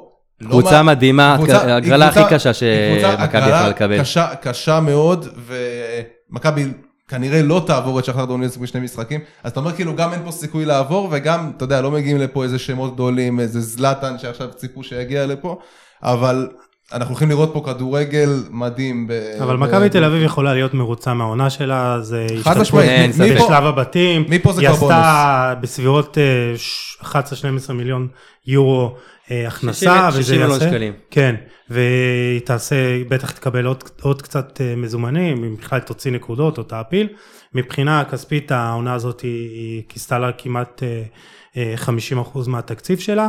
אה, היא יכולה, אני, אני לא סותם פה, זה לא, זה כדורגל עדיין, זה, זה שני מפגשים. היא היא תבוא והיא תבוא והיא תנסה לנצח, היא תבוא, כן. היא תנסה להתמודד, אבל אה, כן, אין ספק שעד עכשיו הם עשו את שלהם. כן, אה, סיכויי ההעפלה הם אה, לא גבוהים. אה, 10 אחוזים, 20 אחוזים, כן. מקסימום. כן, לא, תשמע, אני חושב שמכ... אני חושב שכאילו, אנשים כבר שלחו את דוניס הביתה לפני חודש וחודשיים, ואני אומר לעצמי, אוקיי, אז הבן אדם פה, עדיין, כמו שאמרנו גם בפרק הקודם, מכבי סובלת מהירידת מתח של השחקנים שאחרי שאיביץ' הלך, אבל דוניס רואים שבאירופה הבן אדם יודע לעשות שיעורי בית ויודע להכין קבוצה באירופה. זאת אומרת, מכבי תל אביב, אחרי ההדחות המביכות שלה בשנתיים האחרונות, שלא הצליחה להפיל אה, לא ליגה אירופית, לא, ליג, לא ליגת האלופות, אז באמת השנה דוניס בלי כדורגל גדול נגד סיבספור, באמת זה היה משחק נורא של מכבי תל אביב, נורא, עד הגול של סבורית. אה, אבל יש להם בדיוק את הדקות האלה, את הרגעים האלה שפתאום יש את הפיק ו- ויודעים לעמוד נכון מבחינה הגנתית וזה כן אה, בסופו של דבר מצמצם את הפערים והיא היא לא תובס פה נגד שכתר, היא כנראה תודח אה, בכבוד, ואם כבר שודח אז שסולומון ייתן עוד איזה תצוגה שייכנס לו ככה לקלטת, מה שנקרא. לגמרי, לגמרי, אנחנו נתקדם לקבוצה שנייה שלך, או הראשונה, ליתר דיוק נראה לי, ביתר ירושלים. אחת והיחידה. כן, היה לך, היה לך שבוע לא, לא פשוט, נכון עבר עליך? לא. לא, לא פשוט בכלל. אה, בוא, בוא תספר וואו. קצת אה, רקע לטובת המאזינים, מה, מה היה, איך זה אוקיי. התחיל. אה, אוקיי. היה איזה אירוע כזה שולי ב- אוקיי, בהיסטוריה אז של מכירה ב- ב- של אה, קבוצה ל... ב- כן, ברקע כן. העסקה המדוברת, לפני שבוע אוהדי לה פמיליה הודיעו שהם בעצם הולכים להגיע לאימון של ביתר. הם הגיעו, סליחה, והם שרקו בוז לעלי מוחמד וקיללו וכל הדברים האלה. ואז החלה בעצם התארגנות מתחת לפני הקרקע שלי, יחד עם עוד אה, כמה וכמה אנשים טובים שקשורים לביתר, מנהלי קהילות ומנהלי קבוצות. וחבר'ה שעשו עבודה מדהימה מאחורי הקלעים, וחבר'ה כמוני שיותר בפרונט, שנתנו את השם שלהם, את הדפים שלהם. הצלחנו להביא בס- בסופו של דבר, בשורה התחתונה, אה, משהו כמו 700 אנשים ביום שישי האחרון לאימון, שהגיעו לתמוך והגיעו לדחוף והגיעו לעודד את ביתר, והגיעו אה, אה, להגיד אה, תודה למשה חוגג, תשמע, זה באמת ולהגיד היה... בהצלחה ל- לכל המיזם הזה. כן, אומר, גיל. זה, זה באמת היה אירוע חסר תקדים, מה שראינו שם ביום שישי, ואני אומר לעצמי, כאילו, באיזה עולם קבוצת כדורגל מתאמנת, ומצד אחד אוהדים שמקללים, מצד שני אוהדים שמעודדים. משה חוגג גם, מגיע, מושך את כל התשומת לב אליו, והאוהדים מרימים אותו על הכתפיים, כאילו, אתה אומר לעצמך, יש, יש אימון, כאילו, יש אימון בזמן הזה, וכאילו, הכל חוץ מכדורגל בעצם, זה, זה מדהים מה שקורה במועדון זה, הזה. זה בית"ר ירושלים, זה הטירוף לא שהולך אני אומר פה. לעצמי, איך אפשר להתרכז ככה בכדורגל? אז, אי אפשר, אי אפשר, אי אפשר, זה- זה זה פוגע בקבוצה. תמיד, תמיד זה קלישאה, אומרים כאילו איך. השחקנים התרכזו, אבל פה באמת, איך, איך אפשר להתרכז באימון, כאילו, בדבר הבסיסי הזה. זה באמת קשה מאוד להתרכז, ו- ו- וכל השנים האלה, כל הדברים האלה שקורים סביב בית"ר, זה דברים ש- שפוגעים, פוגעים בריכוז, בהתנהלות, בשקט סביב הקבוצה.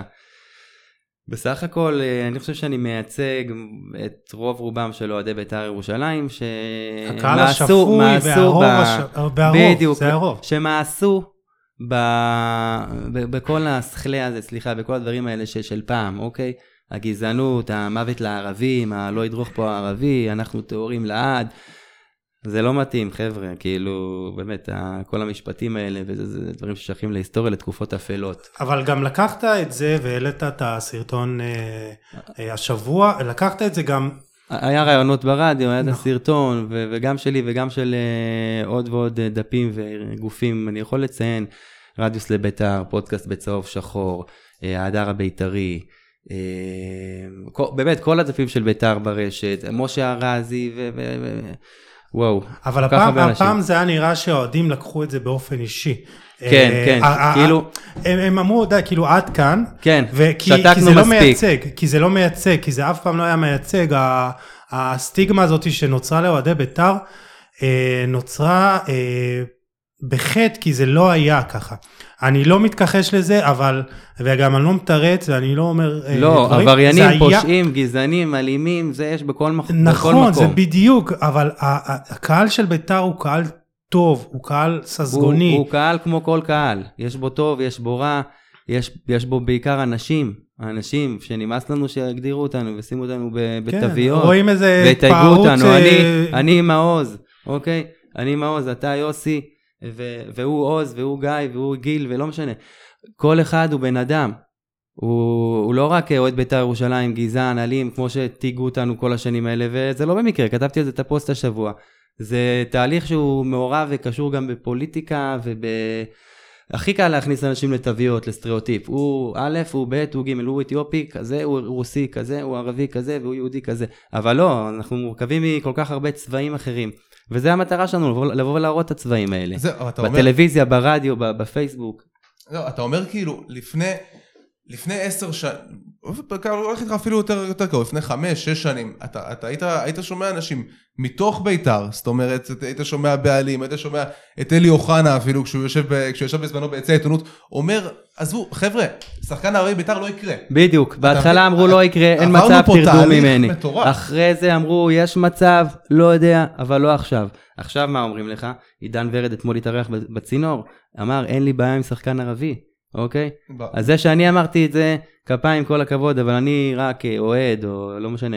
עידן ורד, קפטן בית"ר ירושלים, הלך ואמר, בפה מלא, אין לי בעיה עם שחקן ערבי, היה כאלה קפטנים בעבר, אה, אריאל הרוש משהו, שערפו להם את הראש כמעט בגלל אה, אמירות אני, כאלה. אני חושב שזה גם קשור לתהליך שעשינו גם באמת כחברה בישראל, ויש בזה המון קשר גם לרשתות, כאילו, גם ל... לא, בכלל, הטכנולוגיה השתנתה, חופש המידע, אנשים נפתחו. זה בדיוק, וזה- עד זה עכשיו- כבר לא צרים, הם כבר לא במערה, אנשים, אנשים רוצים היינו- להתקדם, והקדמה מגיעה דרך הכסף הזה. הכסף הזה ייצור לנו פה תשתיות יותר טובות, ייצור לנו עתיד יותר טוב, ויביא אותנו לשיאים ולגבהים שאנחנו רוצים להיות בהם, כאוהדי בית"ר. סתם דוגמה, ליגת האלופות. כן, יוסי. הלוואי, לא, ביתר לא עברה סיבוב באירופה, קבוצה מדורגת, אבל אני חושב שזה בדיוק דיברת על זה, על החשיפה במדיה החברתית. אה, עד היום, עד השנים האחרונות, אה, אנחנו היינו נחשפים לערוצי טלוויזיה, לאיזה ערוץ רדיו, אתרים הגדולים, ומשם צרכנו את המידע הזה. היה פה ו- רוב, היה פה רוב והיום- דומה מאוד גדול. זהו. ולא והיום- רק זה, עד היום אני שומע את התוכנית של, אה, בעוונותיי, במקרה, אני שומע את התוכנית של אופירה וברקוביץ', אוקיי? ואני מזועזע מהיחס ש, שהם נותנים לאוהדי בית"ר ירושלים, מה, מה, מהמסגרות שהם מכניסים אותנו בהם. רק אה, לפני יומיים שלושה אייל ברקוביץ' אמר ב, בערוץ הספורט, אוהדי בית"ר ירושלים הם גזענים. הוא ככה ממש הכליל את כל אוהדי בית"ר ירושלים, הפך את כולנו לגזענים. אז אה, בוא, אייל ברקוביץ', אני מקווה שאתה שומע עכשיו שלך. את הפודקאסט הזה. אנחנו לא כאלה, אנחנו, אנחנו בני אדם, אוקיי? כמו שלא כל הברקוביצ'ים הם מטומטמים, וכל אחד הוא בן אדם בפני עצמו, אז גם אנחנו אוהדי בית"ר, לא כולנו גזענים, וחייב להבין את זה.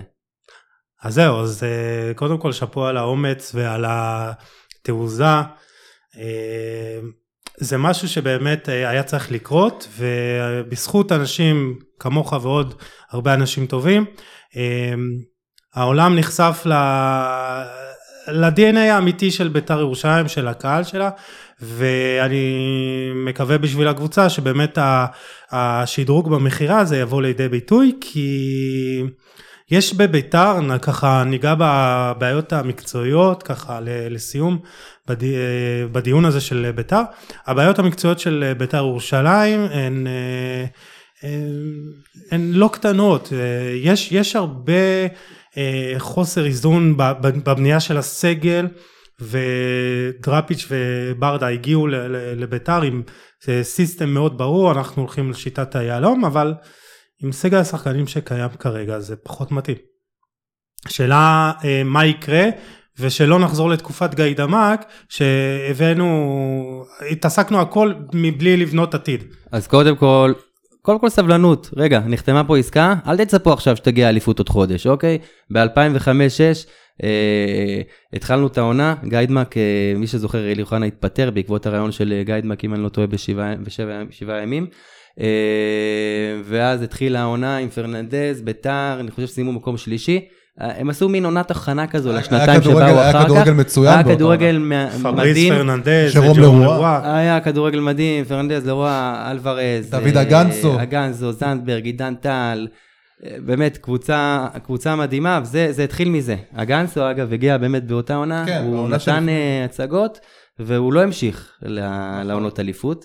וזה נורא צבט לנו אוהדי בית"ר, כי אגנסו היה, עד היום אני זוכר את המספרת שלו, אין דברים כאלה, אה, חלוץ גדול. אה, שוב, אני רוצה להגיד שהעונה הזאת צריכה להיות מין הכנה לעונות הבאות. היא צריכה להיות אה, כמו עונת 95-6 וכמו עונת 2005-6.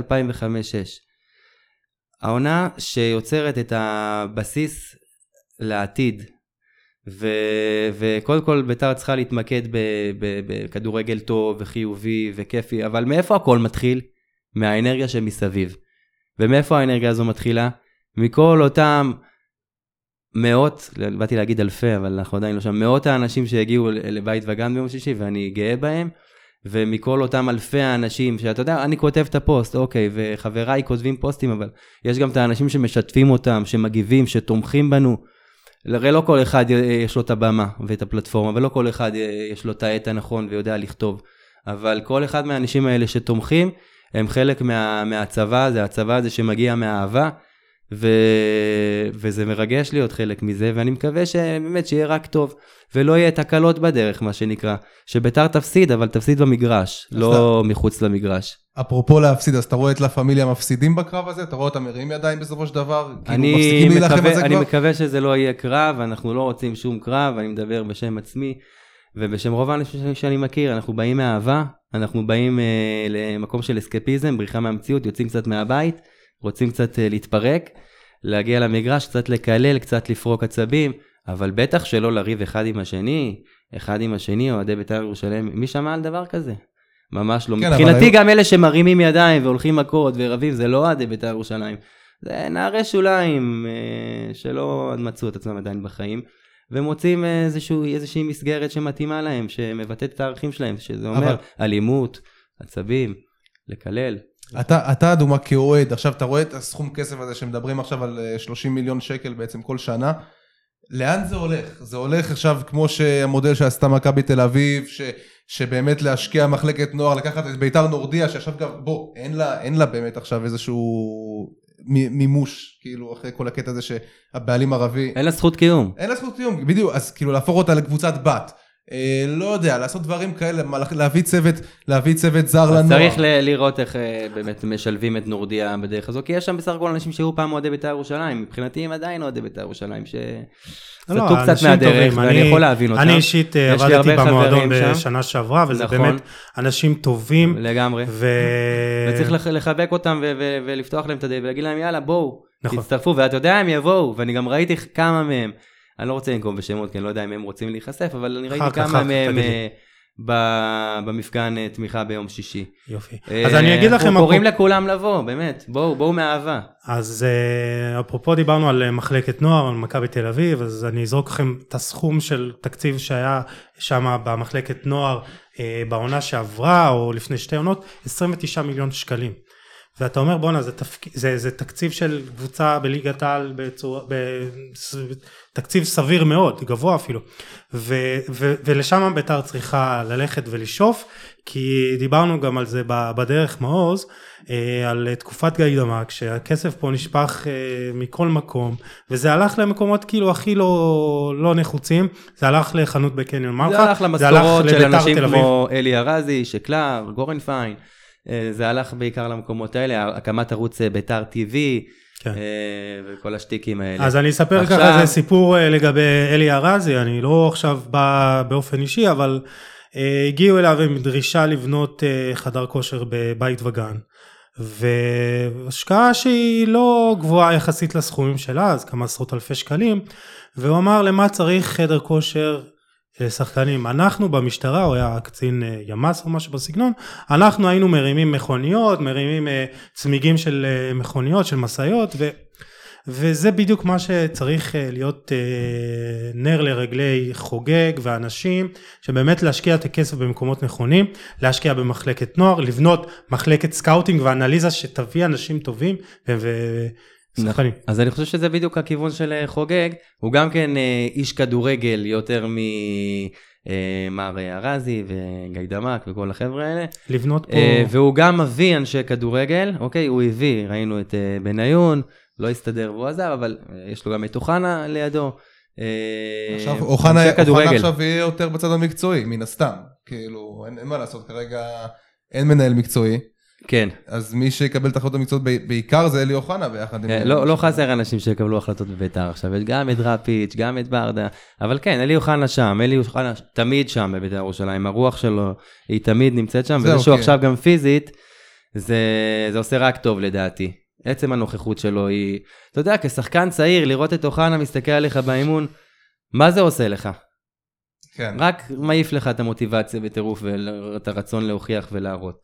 לביתר יש בסיס טוב, גם uh, שחקנים צעירים כמו uh, עוזיאל פרדו, כמו זרגרי, אה, קהל אוהדים אדיר שרק מחכה לסיבה ככה לצאת מאזור הנוחות ו- ולבוא. אבל צריך לבנות את אנשים רוצים האביל זרגרי ביטחון. הבאים. ו- חבר'ה, אנשים רוצים, בואו נלך רגע ל- לפירמידה של מאסלו, אנשים רוצים קודם כל את הביטחון הבסיסי, אוקיי? הם לא יגיעו לטדי אם הם לא ידעו שהם מוגנים שם, אוקיי?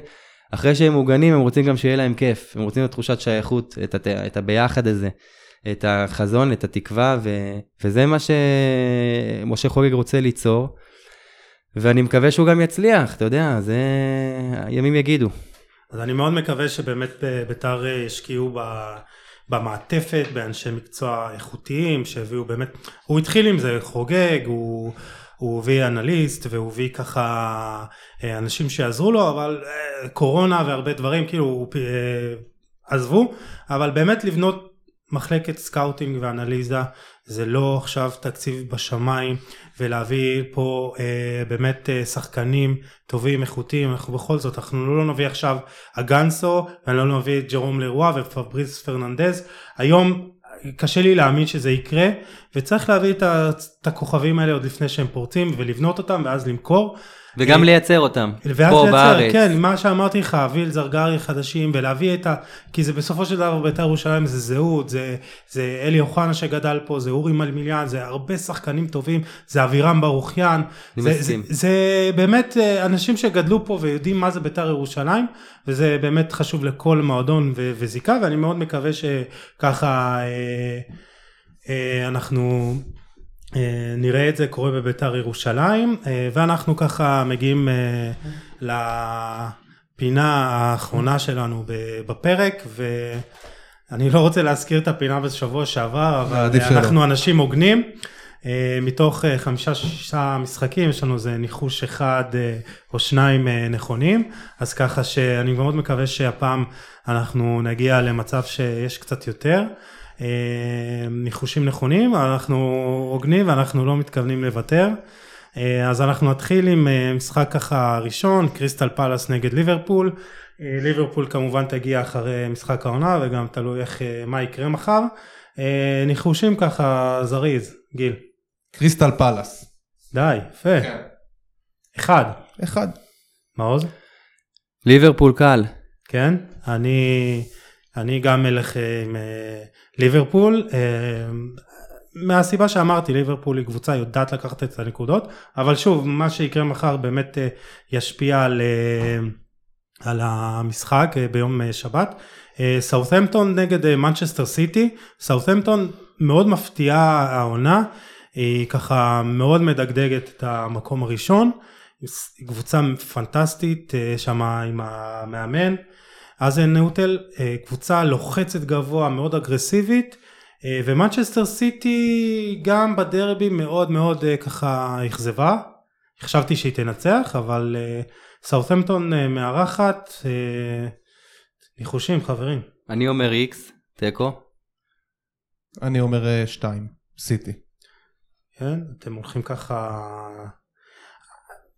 גם הייתי הולך על סיטי טוב אני אלך גם על סיטי מה אני אגיד לכם אני פשוט אה, חושב שהיא צריכה להתעורר אם היא באמת רוצה, לה- רוצה להיאבק היא חייבת להתחיל לאסוף אני מקווה שלא תגיד רק איזה טעות עשיתי.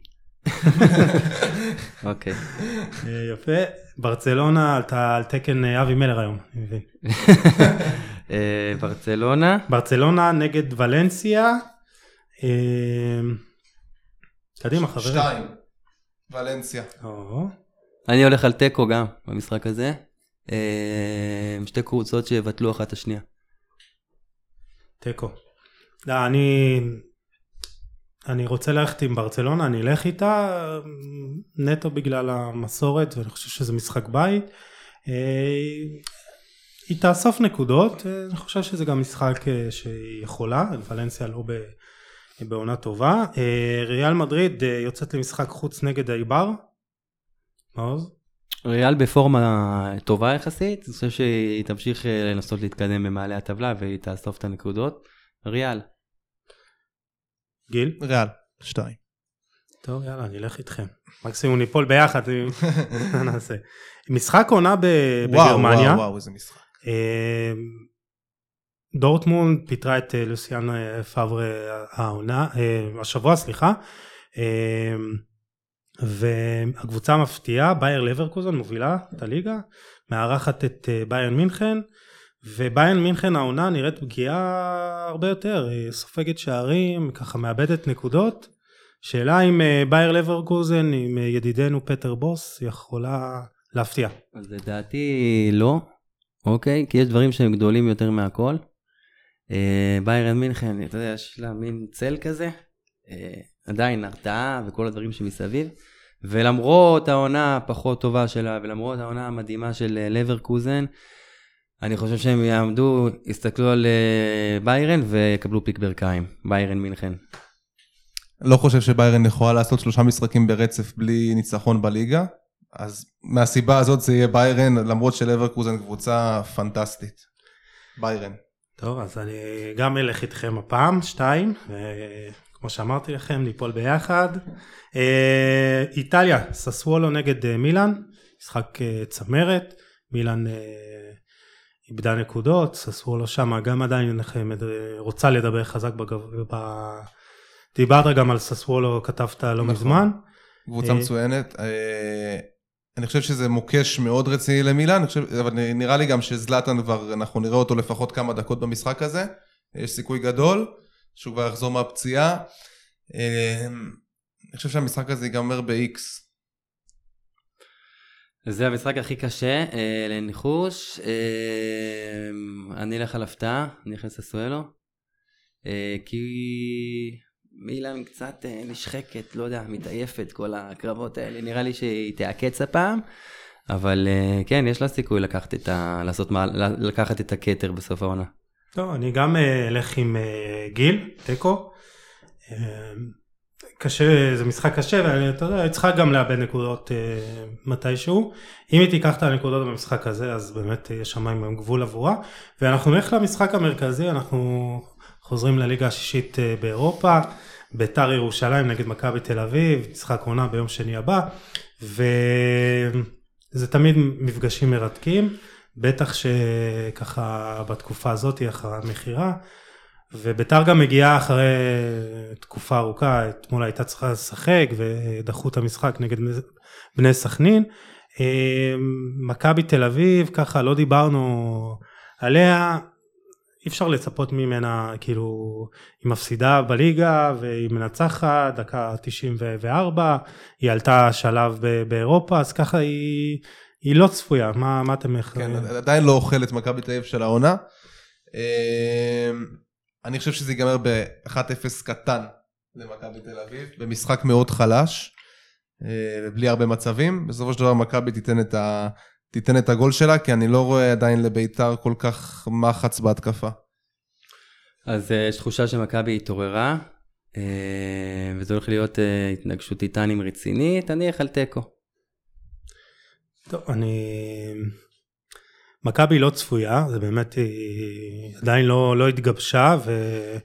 וביתר פשוט פחות טובה ופחות ככה עדיין גם גיבשה את ה... אה, מי בדיוק אה, ככה משחק בקישור ומי שם צמד החלוצי והרבה ככה שחקנים שהם אה, לא משחקים בתפקיד שלהם. הרבה ניסיונות שם נגד מכבי חיפה היה. אני חושב שגם אני אלך על איקס, משחק שכזה פחות,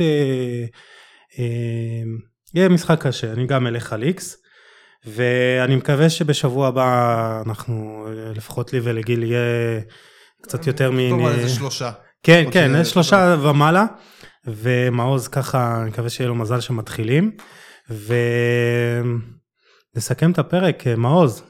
קודם כל תודה שהגעת, לא אמרתי לך תודה בהתחלה, אז אה, מקווה שיש פה כמה אנשים שעדיין מאזינים לנו, אז אה, תודה רבה שהגעת. אה, איך היה לך?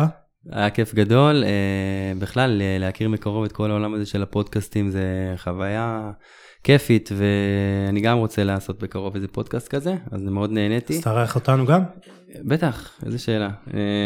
כיף להכיר אותך, יוסי הדני הגדול ואת גיל, שהכרנו היום וכיף גדול, והיה מעניין, אני מקווה שהחבר'ה גם uh, שמקשיבים ייהנו מכל רגע.